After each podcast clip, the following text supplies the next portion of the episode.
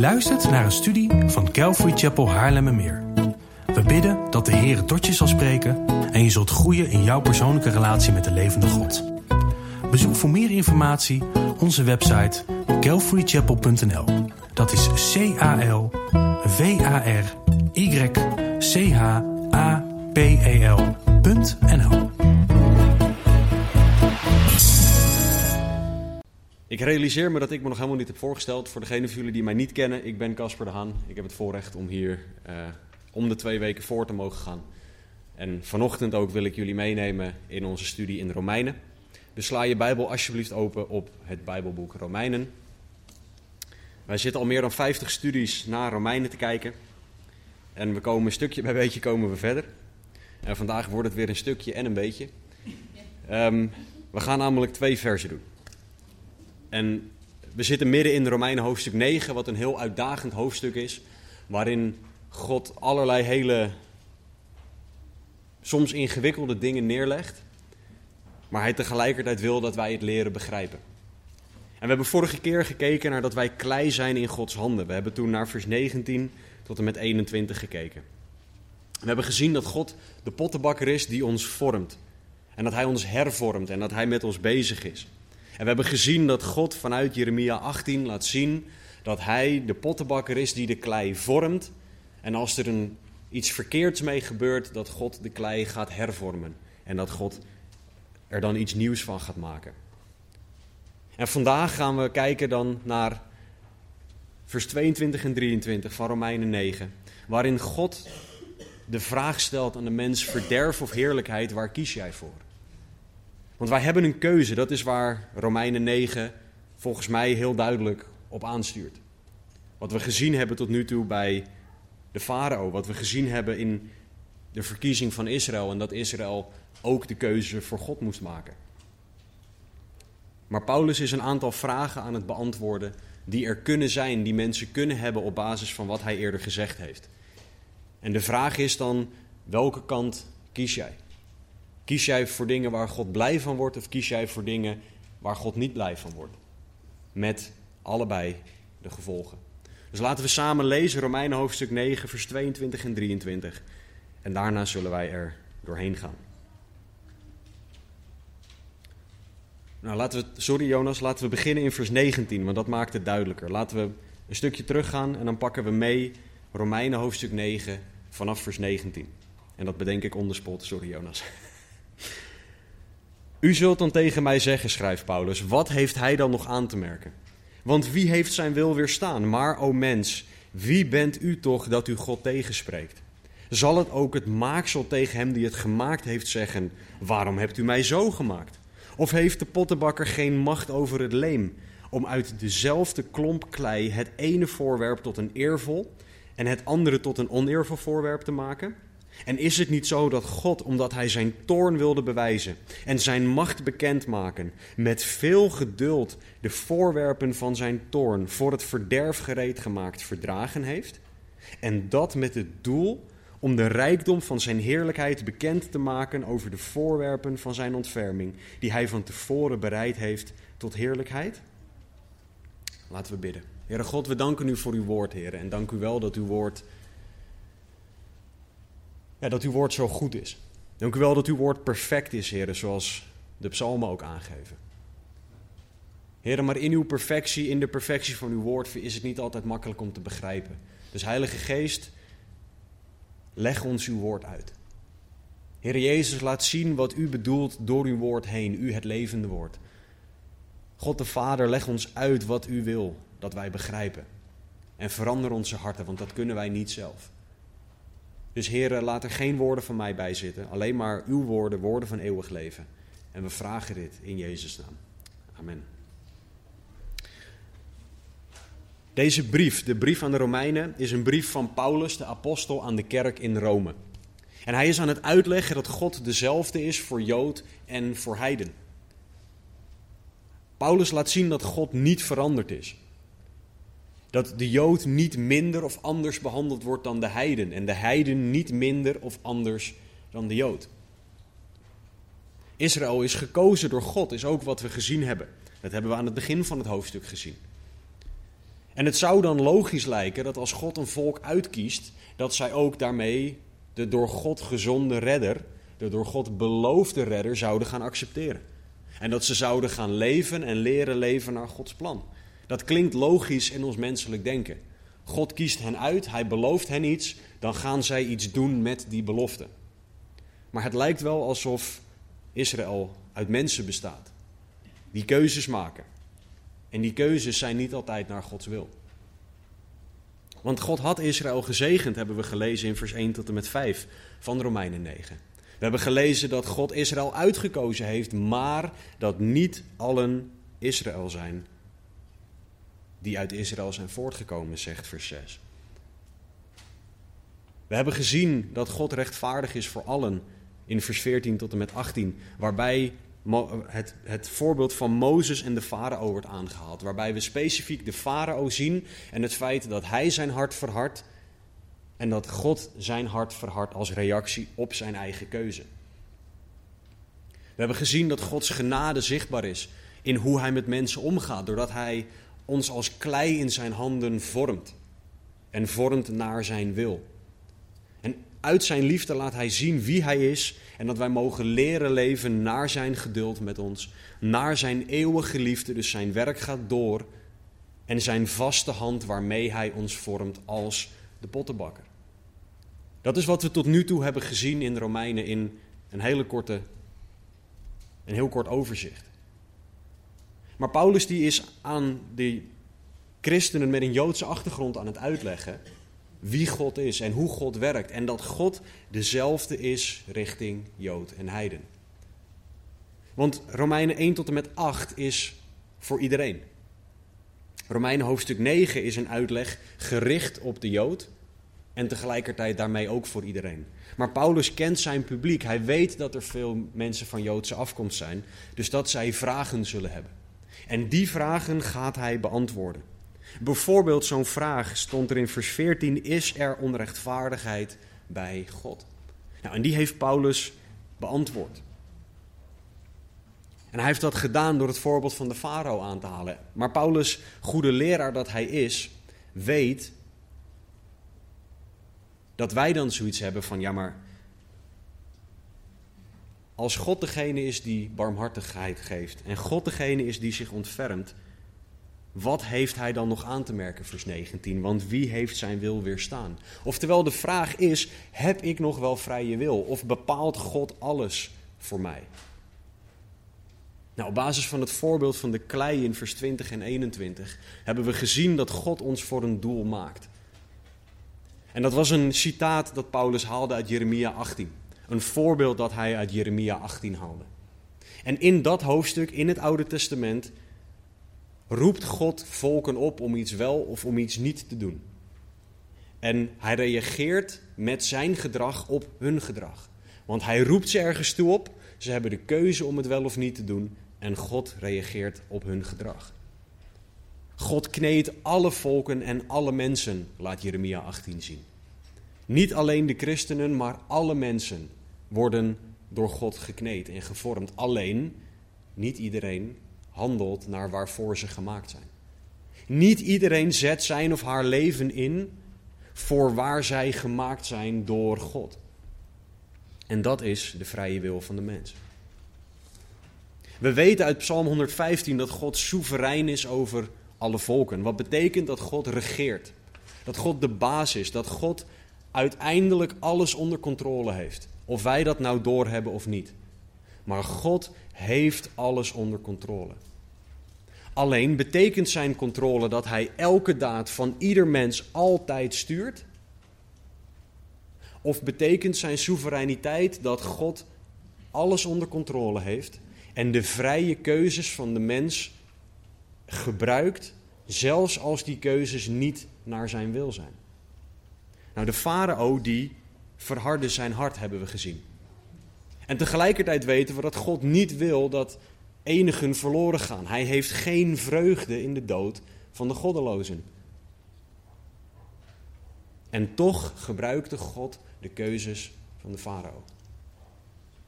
Wat we hierin zien is dat God de mens een vrije wil gegeven heeft. God heeft de mens de keuze gegeven om positief of negatief te reageren op wat God zegt. Om te kiezen met overgave of om te kiezen met opstand. Om te kiezen met aanbidding of om te kiezen met rebellie.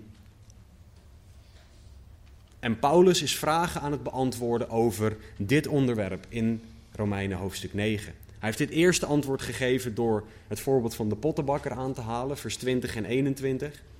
En wat we vanochtend gaan behandelen is vers 22, 23. Wat het tweede antwoord is, waar Paulus op doorbouwt in vers 24 tot en met 29. Wat we volgende keer dat we naar Romeinen gaan kijken, samen zullen behandelen. Bijbelcommentator Warren Wiersbe heeft het volgende gezegd over God als onze pottenbakker. Hij heeft gezegd: Zoals de pottenbakker macht over de klei heeft, zo heeft God soevereine autoriteit over de volken. Dit betekent niet dat God onverantwoord of willekeurig is in wat hij doet, ondanks dat hij kan doen wat hij wil. Zijn daden zijn altijd consistent met zijn natuur, die heilig, rechtvaardig, wijs en liefdevol is. Einde citaat. Dat is onze pottenbakker.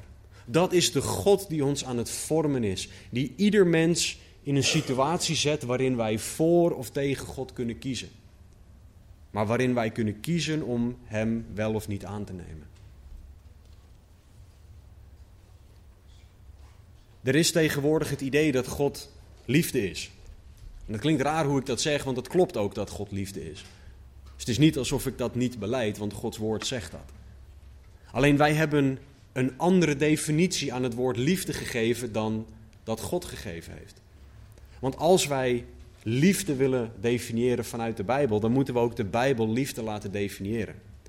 En dan moeten we dus ook inzien dat, vers 22, God ook toorn is. En het is niet zo, vers 22, dat God, omdat hij zijn toorn wilde bewijzen en zijn macht bekendmaken, dat hij met veel geduld de voorwerpen voor verderf verdragen heeft. God is een God die straft. Want als perfect rechtvaardig God kan hij niet anders dan straffen wat een overtreding van de wet is. In de psalmen wordt God een rechtvaardig rechter genoemd. Psalm 7, vers 12 tot en met 14 zegt het volgende. God is een rechtvaardige rechter, een God die iedere dag toornt. Als men zich niet bekeert, dan zal hij zijn zwaard scherpen, zijn boog spannen en aanleggen. Hij heeft dodelijke wapens voor zich gereed gemaakt. Hij richt zijn pijlen op de felle achtervolgers. Als men zich niet bekeert, dan zal hij zijn zwaard scherpen. We hebben een voorbeeld gezien van iemand die zich niet bekeerde, namelijk de farao. Iemand die zijn eigen hart verhardde, zoals we in Exodus uitgebreid bekeken hebben. En dat leverde de farao Gods toorn op. Gods straf over zijn zonde. Dit is wat ieder mens verdient wanneer wij zondigen. Het is namelijk niet een vraag van of, maar het is een vraag van wanneer wij zondigen. Want in dit leven kunnen wij niet anders als mensen dan zondigen. Maar gelukkig is daar Gods geest die ons wil leiden om niet zo te leven. En het is puur Gods barmhartigheid dat dat zo is. Het is Gods barmhartigheid dat we niet krijgen wat we verdienen. Dat Hij zich ontfermt over ons.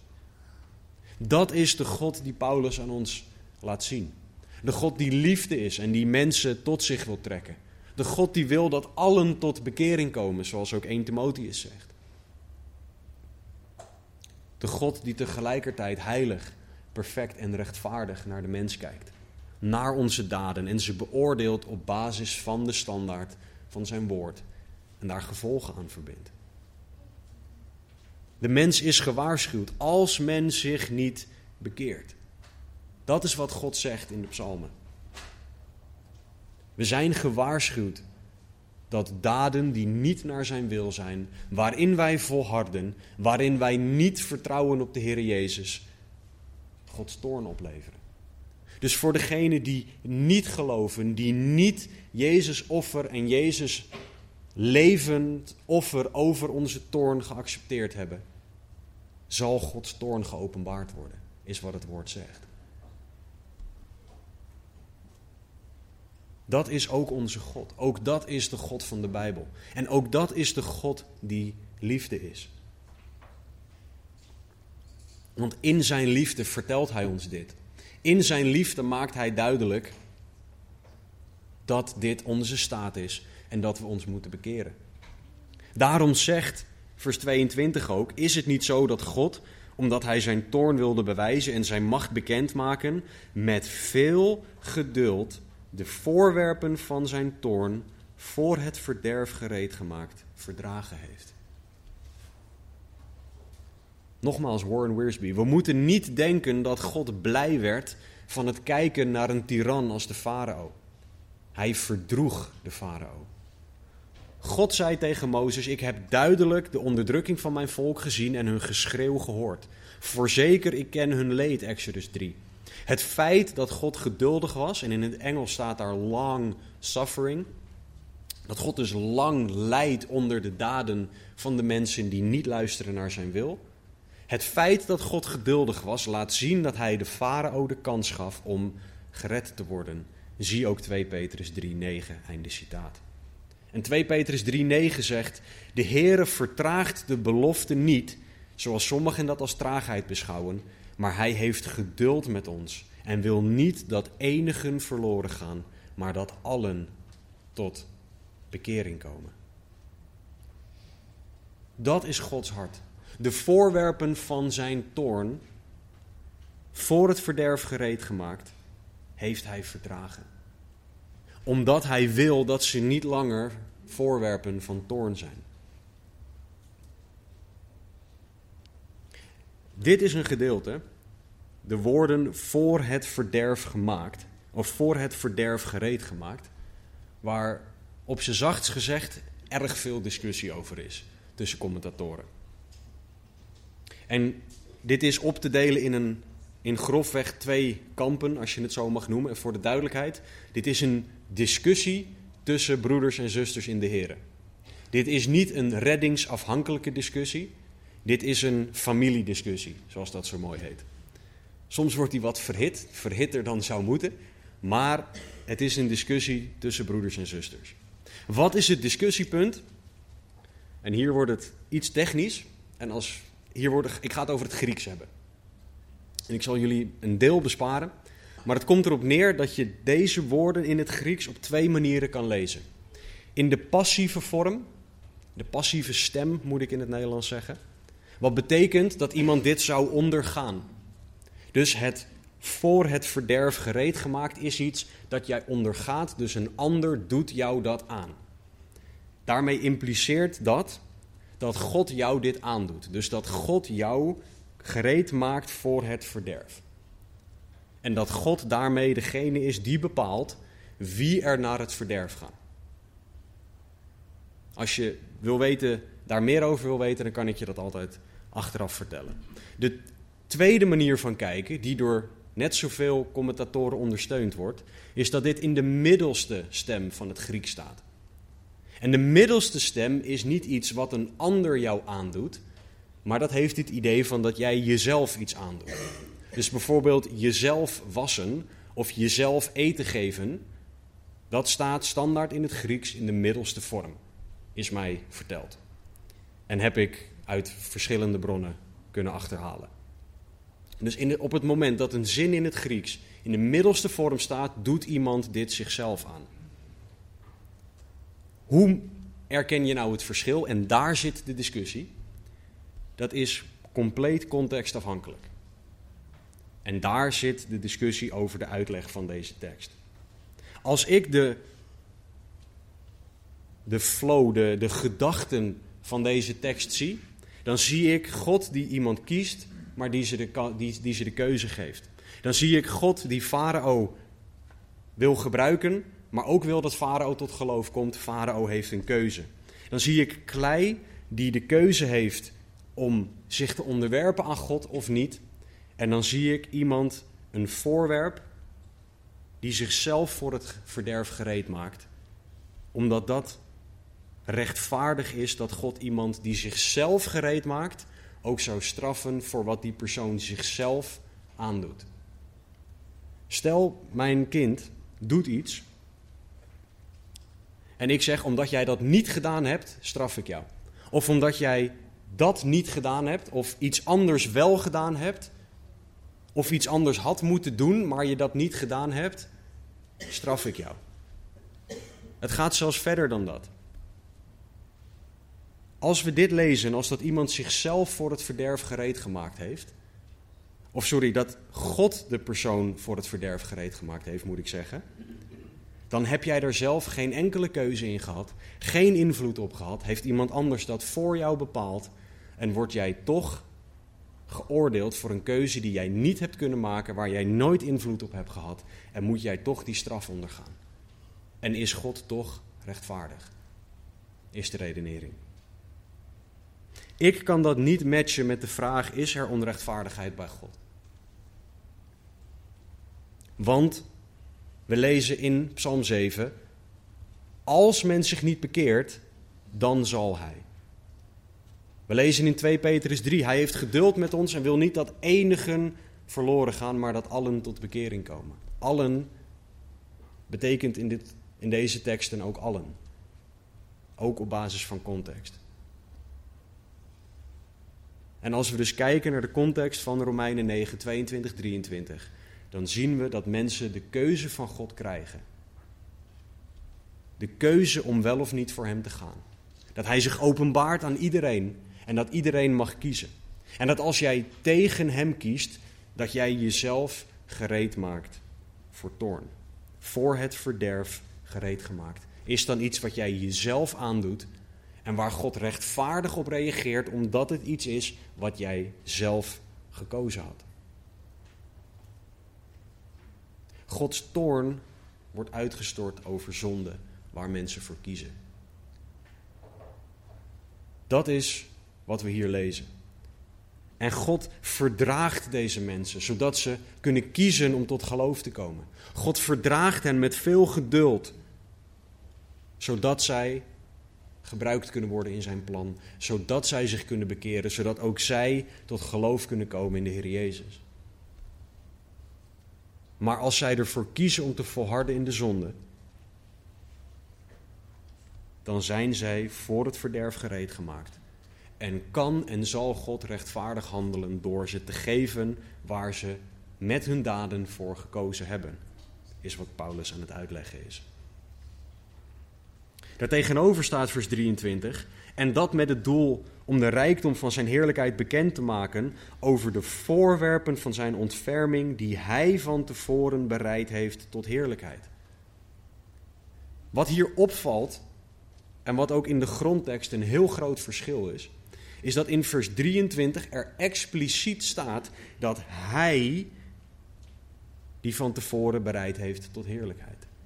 Terwijl vers 22 niet zegt dat hij, God, dit gedaan heeft. Dat is niet letterlijk uit de tekst op te maken. En daar zijn alle commentatoren het over eens. Dus vandaar dat ze die inhoudsdiscussie beginnen over het Grieks en over hoe je dat zou moeten lezen. En wat we hier dus zien is een geweldige zegen van God. Dat God zich ontfermt over hen die het niet verdienen. Dat God zijn genade en zijn liefde uitstort over mensen, degenen die positief reageren op zijn roepende werk.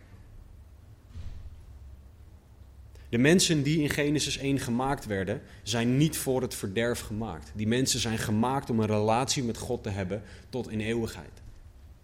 En pas toen hun eigen zondige keuzes tussendoor kwamen, kwam er verderf in het plaatje. Dat is hoe het tot op de dag van vandaag werkt. Wij zijn niet gemaakt voor verderf, maar onze zondige keuzes zijn wat ons voor het verderf gereed maken. En onze keuzes bepalen dus waar wij voor gereed gemaakt worden. Zonde is verderf en geloof is heerlijkheid.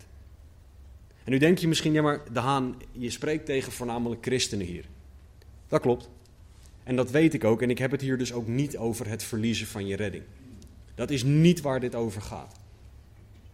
Voor de nog niet gelovigen is dit een oproep om je te bekeren, omdat jij door jouw daden jezelf gereed maakt voor toorn. Voor de christen is dit de oproep om daden te doen waar God blij van wordt. Om daden te doen die overeenstemmen met de heerlijkheid van zijn ontferming.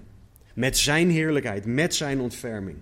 In de plaats van dat wij daden doen die teruggrijpen naar datgene wat toorn verdient. In de plaats van dat wij teruggrijpen naar daden die met verderf te maken hebben. Dit is een oproep om niet achter de zonde aan te gaan. Dit is een oproep om heilig te leven zoals God heilig is. Dit is een oproep om je zonde te beleiden, zoals 1 Johannes 1,9 ons leert. Als wij onze zonde beleiden, Hij is getrouw en rechtvaardig om ons de zonde te vergeven en ons te reinigen van alle ongerechtigheid. Dat is echt een vers om uit je hoofd te leren.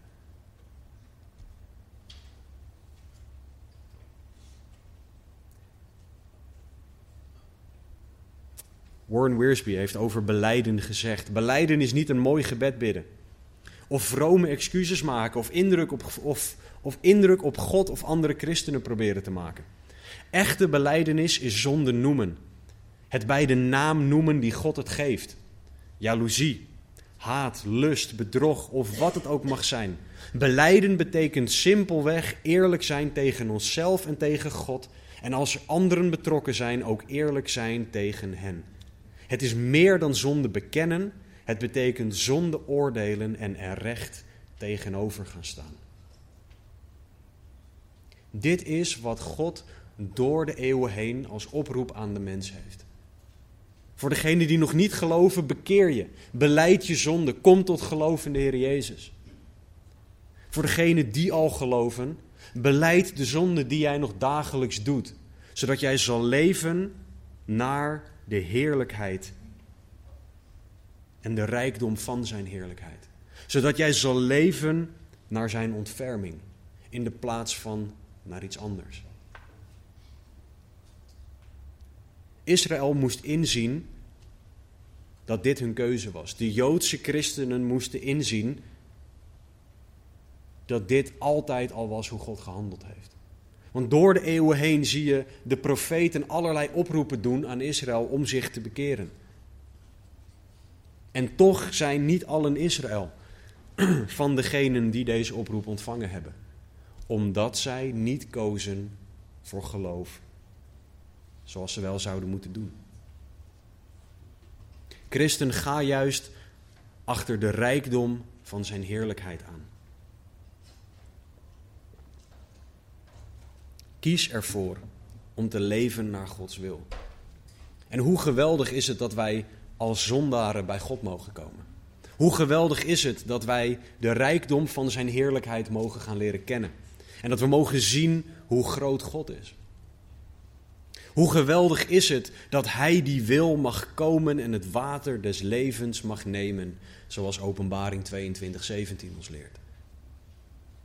Waarbij het dus zo is dat Hij die het wil, zij die het wil, en ieder die wil, mag komen en het water des levens mag nemen. Dat is allemaal genade.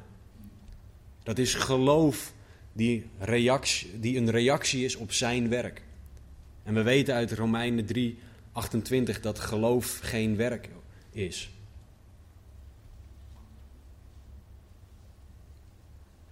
Dit is allemaal tot heerlijkheid. Met het doel om de rijkdom van zijn heerlijkheid bekend te maken over de voorwerpen van zijn ontferming. Paulus legt de nadruk op het voorrecht dat wij Gods kinderen mogen zijn. Dat wij voor de grondlegging van de wereld, zoals Efeze 1 ons leert, uitgekozen zijn om zijn kinderen te worden. Zij die geloven. Dus maak vandaag de keuze om te geloven. Kies er vandaag voor om te leven uit geloof. Ook jij, christen, ook u. Kies om te leven op basis van geloof in de plaats van op basis van iets anders. En door het beleiden van onze zonde, zegt 1 Johannes 1,9, worden wij gereinigd van alle ongerechtigheid en worden wij klaar voor een relatie met God. De kerk in Rome was aan het leren dat God een soevereine pottenbakker is, die mensen vormt. maar dat mensen een, een goede of een slechte reactie kunnen hebben op dat vormende werk. Die soevereine God heeft ons een vrije wil gegeven. En de terechte vraag uit vers 19 is: wat heeft hij dan nog aan te merken en wie heeft zijn wil weerstaan? Het antwoord is dat wij mogen reageren op zijn werk. En dat we niks hebben om God op tegen te spreken. Als wij kiezen voor toorn, voor verderf, als wij kiezen voor zonde, verdienen wij dat. En als wij kiezen voor geloof, dan krijgen wij iets dat we totaal niet verdienen, maar wat ons wel beloofd wordt in Christus. Dat is het voorrecht waar Paulus ons op wijst als christenen. Dat is de God die wij mogen dienen. En dit is ook iets waar wij naar mogen leren leven. En ik wil een drietal punten noemen over wat dit betekent voor onze levenswandel. Ten eerste dit inzien, inzien dat wij op basis van geloof voorwerpen van zijn ontferming mogen zijn. Het eerste is dat wij mogen leren leven in het licht. 1 Johannes 1:7. Als wij in het licht wandelen zoals Hij in het licht is, hebben wij gemeenschap met elkaar en het bloed van Jezus Christus, zijn Zoon, reinigt ons van alle zonden. De Bijbel omschrijft zonde als duisternis, onder andere in Romeinen 13. En duisternis is slechts de afwezigheid van licht. Waar licht een substantie is, die gewoon uit deeltjes bestaat, is duisternis dat niet. Duisternis is de afwezigheid van die lichtdeeltjes. En wij christenen, jij, u en ik, mogen leren om in het licht te leven. Om onze daden in het licht te brengen. Om het open en bloot voor God neer te leggen, wetende dat het allemaal al open en bloot voor Hem ligt, zegt Hebreeën 4:13. En ondanks dat Hij alles weet en ziet, mogen wij onze zonde beleiden aan Hem. Mogen wij het in het licht brengen, zodat er herstel en vergeving kan zijn. En indien nodig, moeten we ook onze zonde naar elkaar beleiden, zegt Jacobus 5:16. En die laatste vinden we heel eng, maar het is wel Gods opdracht. Want het brengt licht in jouw relatie met, het, met een ander. Het zorgt er ook voor dat Satan je niet langer kan aanklagen erop, omdat je het al in het licht gebracht hebt. Dus leef in het licht, omdat God jou als voorwerp van zijn ontferming bereid heeft. Leef onder zijn ontferming in het licht, want dat is het beste wat het is. Het doet misschien pijn in het begin, licht aan je ogen. Het is hetzelfde als dat je vanuit een donkere kamer het zonlicht inloopt. Dan doet het even pijn aan je ogen. Maar daarna is het zoveel beter. Zoveel beter dan de duisternis. We mogen in het licht naar zijn ontferming leven. Dat is de tweede. Titus 3, vers 4 en 5 zeggen: Maar toen de goedertierenheid van God, onze zaligmaker, en zijn liefde tot de mensen verschenen is, maakte hij ons zalig. Niet op grond van de werken van de rechtvaardigheid die wij gedaan hebben, maar vanwege zijn barmhartigheid. En het is hetzelfde woord als ontferming. Vanwege zijn ontferming door het bad van de wedergeboorte en de vernieuwing door de Heilige Geest. God hoeft ons niet te redden. Niemand kan God verplichten om ons te redden. En toch doet hij het. Vanwege zijn barmhartigheid, vanwege zijn ontferming. En dat is hoe hij met ons om wil gaan als, als onze papa. We mogen leren leven naar zijn ontferming, naar zijn liefde. God is niet die boze vader die klaar staat om je een klap op je harses te geven als je iets verkeerd doet. Ja, hij zal je corrigeren, maar altijd met het doel om je terug te brengen bij hemzelf.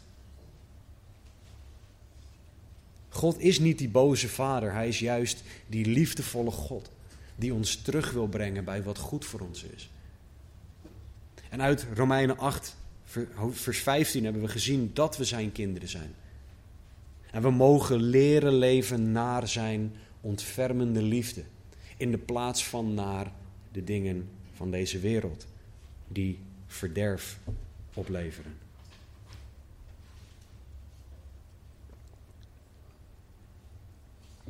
Als we dan in het licht leven, naar zijn ontferming, zullen we ook gericht op de rijkdom van zijn heerlijkheid gaan leven. In de plaats van op de dingen van deze wereld. Efeze 1, vers 5 en 6. Hij heeft ons voorbestemd om als zijn kinderen aangenomen te worden door Jezus Christus in zichzelf, overeenkomstig het welbehagen van zijn wil, tot lof van de heerlijkheid van zijn genade, waarmee hij ons begenadigd heeft in de liefde. Voorbestemd om als zijn kinderen aangenomen te worden, tot lof van de heerlijkheid van zijn genade. Ons leven hoort tot zijn eer te zijn. En de vraag is dus, christen, leef jij naar zijn heerlijkheid of leef jij voor jezelf? Alles dat we in dit leven meemaken zal verbleken bij het eeuwige gewicht van glorie, zegt 2 Korinthe 4. Alle goede en alle slechte dingen zullen verbleken bij hoeveel beter het is om bij God te zijn. Maar dan mogen wij wel leren om te gaan leven voor de rijkdom van Zijn heerlijkheid. In de plaats van voor onszelf. In de plaats van voor ons eigen denken en onze eigen wil. Wij mogen als Gods kinderen God gaan zien in Zijn heerlijkheid. Wij mogen God gaan kennen en Zijn liefde kennen. We mogen de eeuwigheid bij God gaan doorbrengen, waar er geen tranen en geen pijn meer zijn.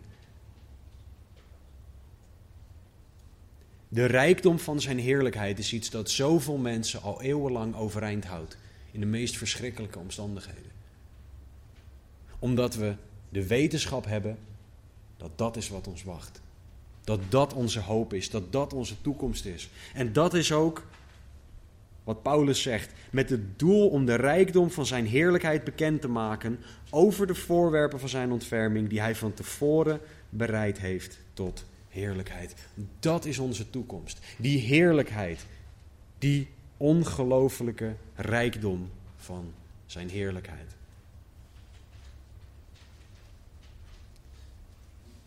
Paulus legt ons uit dat Jood en Heiden een keuze hebben. We kunnen kiezen voor verderf of voor heerlijkheid. En in ieder die kiest voor heerlijkheid, die reageert in geloof op Gods werk, die zal uiteindelijk ingaan in zijn ontferming, ingaan in zijn heerlijkheid.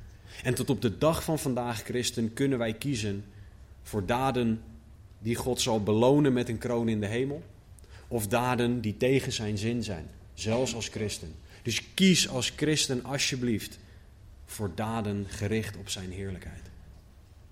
Als jij nog niet gelooft, is vandaag de kans om voor heerlijkheid te kiezen.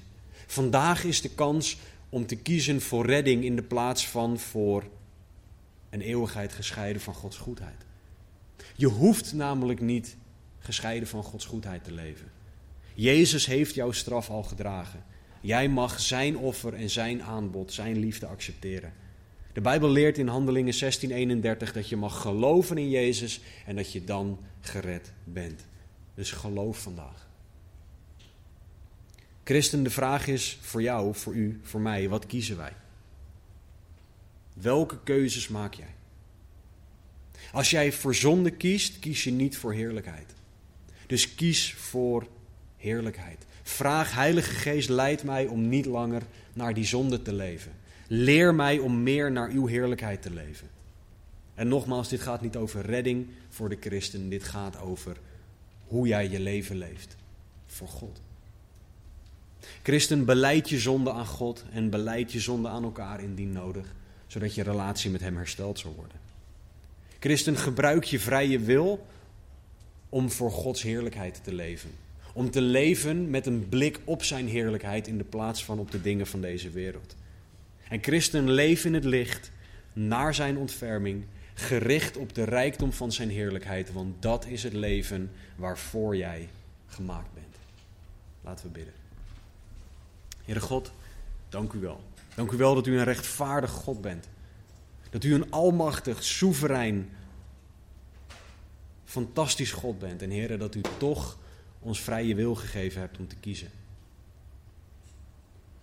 Maar Heere, help ons om die vrije wil goed te gebruiken.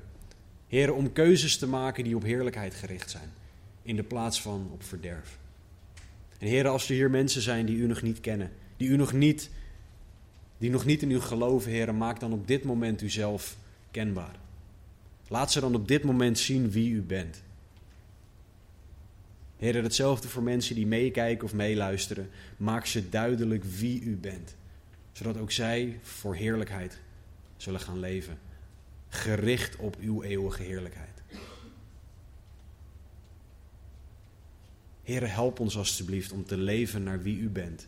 Naar wat u gedaan hebt. Help ons alstublieft om te leven in het licht. Heer, om te leven gericht op de rijkdom van uw heerlijkheid en, en levend naar uw ontferming. Heere, doe wonderen alstublieft in ons. Dingen die wij niet kunnen bidden of beseffen. Heere, doe die alstublieft in ons. Zodat u groot gemaakt wordt door ons heen. Raak onze harten aan alstublieft. En Heere, we vragen dat in uw almachtige naam, in Jezus' naam. Amen. Het aanbiddingsteam zal ons zo gaan leiden in een aantal liederen. Zing alsjeblieft mee. Aanbid de Heer echt. Vraag ook of er nog dingen tussen jou, u en hem instaan. Er zullen ook een aantal mensen aan de randen en aan de achterkant van de zaal gaan staan. Die zullen een keycord om hebben. Die willen heel graag met en voor je bidden. Um, als jij ook gebed wil, want iedereen heeft gebed nodig, ga dan naar een van hen toe en bid. Want het is echt belangrijk dat je bidt, dat we samen bidden. Dat draagt het woord ons ook toe op. Dus doe dat alsjeblieft. Romeinen 11 zegt: O diepte van rijkdom, zowel van wijsheid als van kennis van God. Hoe ondoorgrondelijk zijn zijn oordelen en onnaspeurlijk zijn wegen. Want wie heeft de gedachten van de Heere gekend? Of wie is zijn raadsman geweest? Of wie heeft hem eerst iets gegeven en het zal hem vergolden worden? Want uit hem en door hem en tot hem zijn alle dingen. Hem zij de heerlijkheid tot in eeuwigheid. Amen. Leef voor die God. Leef tot Zijn eer deze week. En kies voor heerlijkheid in de plaats van keuzes die met verderf te maken hebben.